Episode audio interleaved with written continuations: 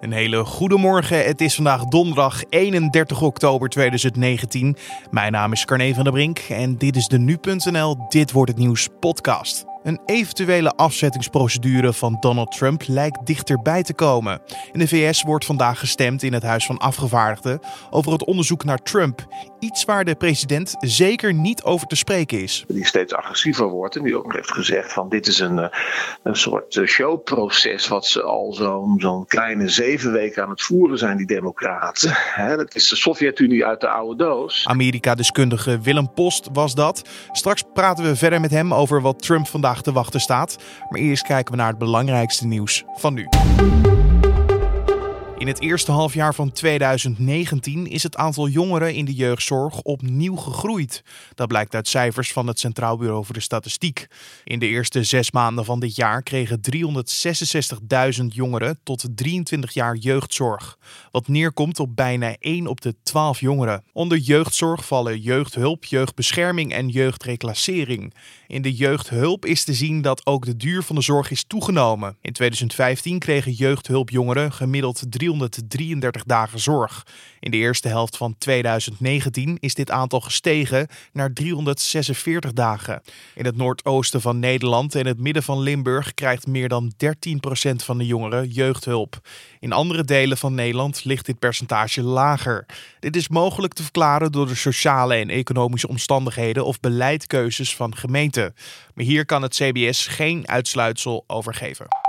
De Verenigde Staten hebben meer details prijsgegeven over de aanval op de gedode IS-leider Abu Bakr al-Baghdadi. Zo zijn er onder andere droombeelden naar buiten gekomen waarin de aanval van bovenaf te zien is. De Amerikaanse generaal Frank McKenzie zei in een persconferentie onder andere dat er twee kinderen bij de aanval op de IS-leider waren omgekomen. In eerdere berichtgeving werd er door de VS gesproken over drie overleden kinderen. En een onderzoeksbureau in de VS heeft het DNA van de gedode persoon onderzocht. En uit dit onderzoek kwam naar voren dat het DNA een match is met het DNA dat in 2004 van de IS-leider werd afgenomen in een Irakese gevangenis. Al-Baghdadi kwam afgelopen zaterdag om het leven bij een gerichte operatie van Amerikaanse commando's in Syrië. Voordat de militairen hem konden oppakken, zou hij zichzelf opgeblazen hebben met een bomvest dat hij om zijn lichaam had. Landbouwminister Carola Schouten heeft de commissie Remkens gevraagd een versneld stikstofadvies uit te brengen over de luchtvaart. De commissie zal het rapport nu presenteren voor het einde van het jaar. Dat bevestigt een woordvoerder van de commissie woensdag aan nu.nl na berichtgeving van de NOS. Het rapport over de luchtvaart zal het tweede advies zijn dat de commissie Remkens geeft over het stikstofprobleem in Nederland.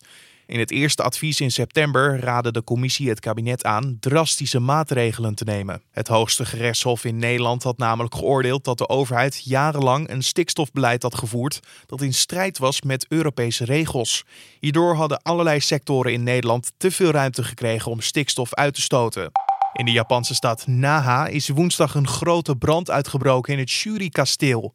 De hal van het kasteel en een naastgelegen gebouw is volledig afgebrand, zo meldt de Japanse politie.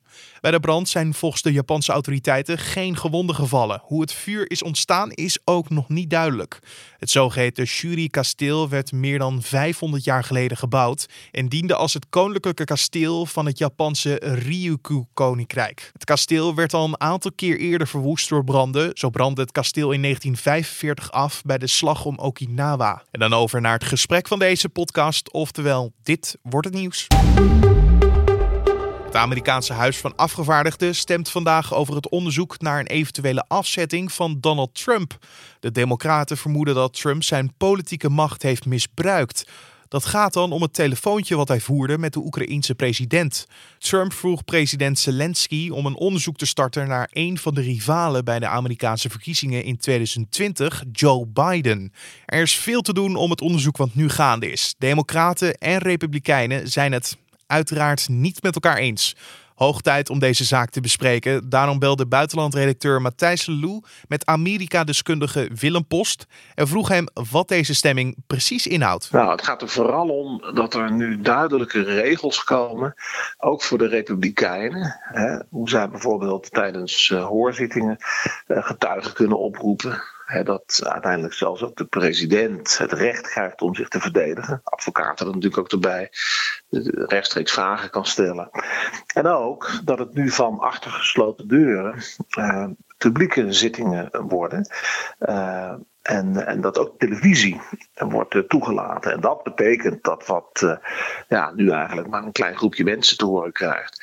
Ja, dat een miljoenen publiek de komende weken, zo niet maanden, uh, ja, dit allemaal kan volgen. En dat heeft weer zijn effect natuurlijk ook op opiniepeilingen in het land. Dan, ja, dan gaat het eigenlijk echt lopen.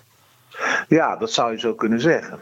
En, en waarom kiezen de Democraten er, er, er nu voor om dit te doen? Uh, kijk, de leider van de Democraten uh, in het huis is Nancy Pelosi. Uh, zoals Trump zegt, nervous Nancy. Hè? Maar, nou, nervous.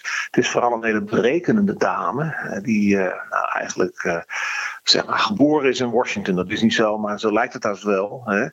alles is bij haar politiek. En ze ziet dat, um, nou ja, dat het natuurlijk toenemende kritiek komt vanuit de Republikeinse Partij. Ja, en met name ook Trump zelf, hè, die steeds agressiever wordt en die ook heeft gezegd van dit is een, eh, een soort eh, showproces wat ze al zo'n zo'n kleine zeven weken aan het voeren zijn, die democraten. Hè, dat is de Sovjet-Unie uit de oude doos, want alles is achter gesloten deuren. We weten niet eens wat er gaande is. En, en, in hoeverre is die, is die kritiek terecht? Is dat ook echt zo dat, zij, uh, dat ze niet te horen krijgen hoe het loopt, de Republikeinen?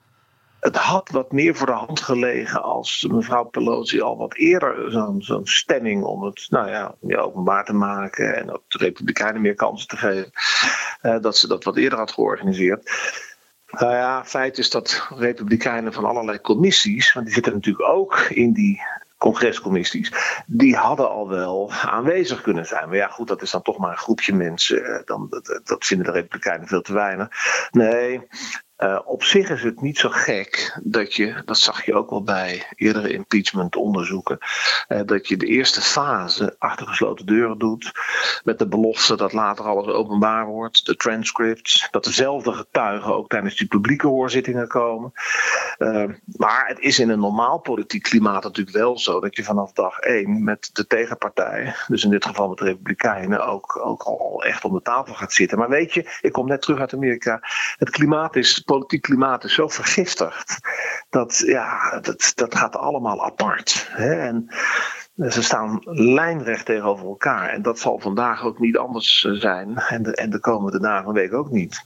En als we dan eventjes kijken naar die, die hoorzittingen achter gesloten deuren die er afgelopen weken zijn geweest. Er zijn aardig wat mensen uh, gehoord al. Ondanks het besluit van het Witte Huis om, om niet mee te werken aan het onderzoek. Um, even terug naar de kern. Het gaat erom, de vraag is of president Trump zijn ambt heeft aangewend om politieke invloed uit te oefenen. Om Oekraïne zover te krijgen dat uh, die zijn politieke rivalen zouden onderzoeken. Um, hoe belastend zijn die hoorzittingen die er tot nu toe zijn geweest eigenlijk geweest? Nou ja, die zijn vooral de afgelopen dagen nogal belastend. Omdat uh, hoge adviseurs, functionarissen, vaak ook met een, een, militaire achtergrond. Hè. Gisteren nog uh, een, een, een, oorlogsveteraan onderscheiden en niet behorend bij de partijen. Ja, die heeft gezegd: ik, uh, ik zat bij dat, uh, zoals wel meer mensen natuurlijk altijd. Ik zat bij dat telefoongesprek wat Trump hield op 25 juli, het beruchte telefoongesprek die dag met de Oekraïense president. En ja, hij heeft dat echt gezegd. Ik verbaasde me enorm hè, dat hij op Uh, nou ja, dan moet je eerst al eh, Biden onderzoeken. Uh, nog wat aan andere zaken. En pas dan krijg je het geld. En, en, en dat is toch, want als ik het goed begrijp, dat, dat, daar waren ze toch echt naar op zoek. Hè? Dat is dan het zogenaamde quid pro quo, voor wat hoort wat. Voor wat hoort wat, en, en, en het Witte Huis die zei eerst van, nou, er was helemaal geen sprake van. En nu is er dus een getuige die zegt, nou, ik was erbij. En het was wel degelijk het geval. Ja, dat hebben ook al een paar andere getuigen gezegd, maar dat was uit de tweede hand. En dit is dus echt een directe getuige. En nou, die werd ook gelijk wel weer een beetje belasterd, want dat is een eh, man die, uh, die uh, geboren is in Oekraïne, weliswaar drie jaar geleefd, is gevlucht naar Amerika. dan weet je de tijd van, van de Koude Oorlog ook. Dus wat dat betreft door en door een Amerikaan. Andere republikeinen, daar zie je toch al twee spalt. Die zeggen het is schandalig dat het Trump-Witte Huis en nog een enkele andere, deze man, een oorlogsheld toch, met zijn onderscheidingen, dat, dat, dat, je dat zo bezoedelt. Dus ook aan dat soort alles wordt nu in, nou ja, zeg maar, getrokken in, in, in strijd, in oneenigheid. Dat, dat valt wel heel erg op, moet ik zeggen. Trump verdedigt zich trouwens wel. Hè? Trump zegt: Kijk, de enige die transparant is, dat ben ik. Want ik heb gewoon dat transcript van uh, dat telefoongesprek vrijgegeven. Want wat is het probleem? Ja, uh, zo'n onderzoek naar Biden. Nou, kijk, niemand kan dat beter dansen met woorden dan Trump. Uh, en hij gaat daar een beetje omheen en zegt dan van kijk, ik wil gewoon iets doen aan de corruptie. En, en nu krijgen we dus straks uh, openbare hoorzittingen. Uh, het wordt allemaal, komt allemaal oud in die open. Ook, ook die verdeeldheid neem ik aan. Ja. Uh, hoe verwacht jij nou dat het, als ik je die vraag mag stellen, hoe verwacht jij nou dat het uiteindelijk verder gaat? Ja, nou weet je, ik ben pas nog bij een grote Trump-rally geweest waar 20.000 mensen op afkwamen. En dan zie je, Trump is een. Trump is natuurlijk de bepalende figuur ook. Hè. Is, een, is een kat in het nauw. Maar geen bange kat. Een hele agressieve kat. En slaapt nu wild om zich heen. Daar zitten ook wel wat gevaren aan natuurlijk.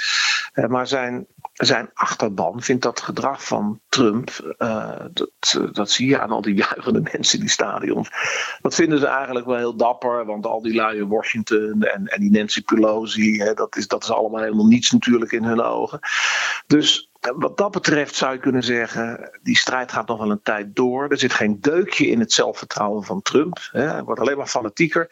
Maar het is gevaarlijk wat er toch deze week gebeurde. Dat ja, onafhankelijke uh, ex-topmilitairen, soms ook nog wel nog steeds topmilitairen, uh, andere politieke adviseurs, dat die nu gewoon zeggen: ja, het is gewoon, ja, het was voor wat hoort wat. En dat, dat klopt gewoon niet. En dan gaat het erom wat doen nou die andere republikeinen? Zodra ze zien dat de opiniepeiling een beetje gaat schuiven. Hè, en als er nog meer bewijzen komen. Ja, linksom of rechtsom. Je kunt alle kanten uitredeneren. Maar het is voor een president natuurlijk geen goede zaak. Als je zo onder het vergrootglas wordt gelegd als president Trump. Er verschijnen wat scheuren in de republikeinse eensgezindheid, als ik het goed begrijp. Nou, de eerste scheurtjes zijn er. Dat is te weinig maar het, het, kijk, het, voor Trump is het nadeel van zo'n impeachmentonderzoek. Ja, je, je kunt interpreteren wat je wil, maar uiteindelijk wordt wel alles, vrijwel alles blootgelegd. De media zitten er bovenop. En ja, soms is 1 en 1 ook echt 2. Ik, ik hou wel mijn hart vast voor wat er in Amerika gebeurt. Want het is ook nog eens een keer verkiezingstijd. En dat betekent dat alles onder druk staat sowieso. En onder die druk van die politiek ja, wordt weinig vloeibaar. Er worden vaste posities ingenomen. En Trump, Trump heeft al gezegd: hè, dit is gewoon het stelen van de verkiezingsuitslag. Hè, wat, wat, uh, hij noemt ook dit soort woorden. Dit tuig in Washington allemaal doet, hè, wat ze ons aandoen. Het gaat hard tegen hard in de VS. En later vandaag op nu.nl meer over de uitslag van de stemming. En je hoorde Matthijs Salou in gesprek met Amerika-deskundige Willem Post. En dan kijken we nog even naar de verdere nieuwsagenda voor vandaag. Het gerechtshof in Leeuwarden doet uitspraak in het hoge beroep dat is aangetekend door in totaal 15 zogenoemde blokkeervriezen, onder wie boegbeeld Jenny Douwes. Ze werden vorig jaar veroordeeld tot werkstraffen voor het blokkeren van de A7 en het verhinderen van de demonstratie van Kick-Out Zwarte Piet in Dokkum. Ook in het hoge beroep zijn werkstraffen geëist en in het geval van Douwes is daarnaast om een voorwaardelijke celstraf van drie maanden gevraagd.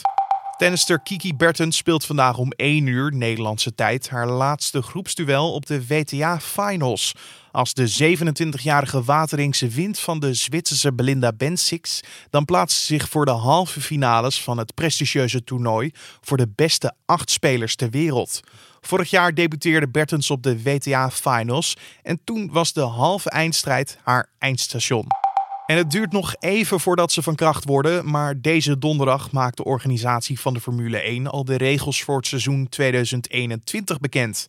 Zo moet het makkelijker worden om in te halen en komt er hoogstwaarschijnlijk een budgetlimiet om het verschil tussen de topteams Mercedes, Ferrari en Red Bull Racing en de andere formaties kleiner te maken. En dan nog even dit weer. Het is donderdagochtend erg fris. De temperaturen liggen namelijk rond het vriespunt. En overdag is het zonnig. Maar in de loop van de middag komt er vanuit het zuiden meer bewolking. Maar dan blijft het wel droog. En in de middag ligt de gemiddelde temperatuur rond de 9 graden. En niet schrikken, ik ga je het geluid laten horen van de rockicoon van deze tijd.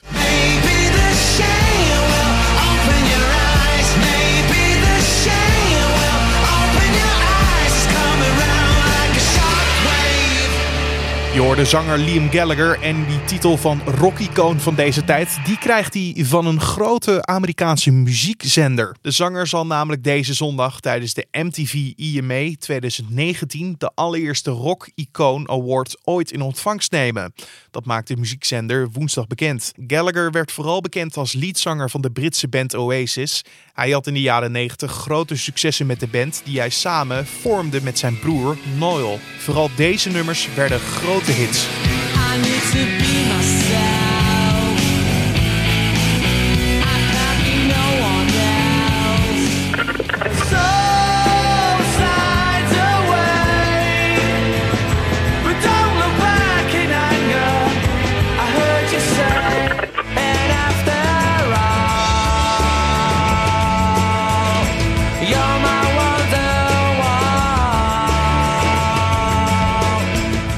De band werd in 2009 opgeheven na vele ruzies tussen de broers. En daarom valt ook niet met zekerheid te zeggen of zijn broer Noel aanwezig zal zijn zondag.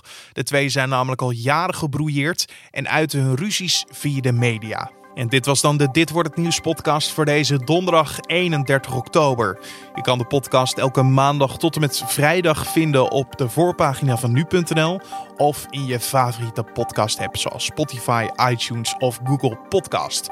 Je kan ons ook laten weten wat je van deze podcast vindt via een mailtje naar podcast.nu.nl of een recensie in iTunes.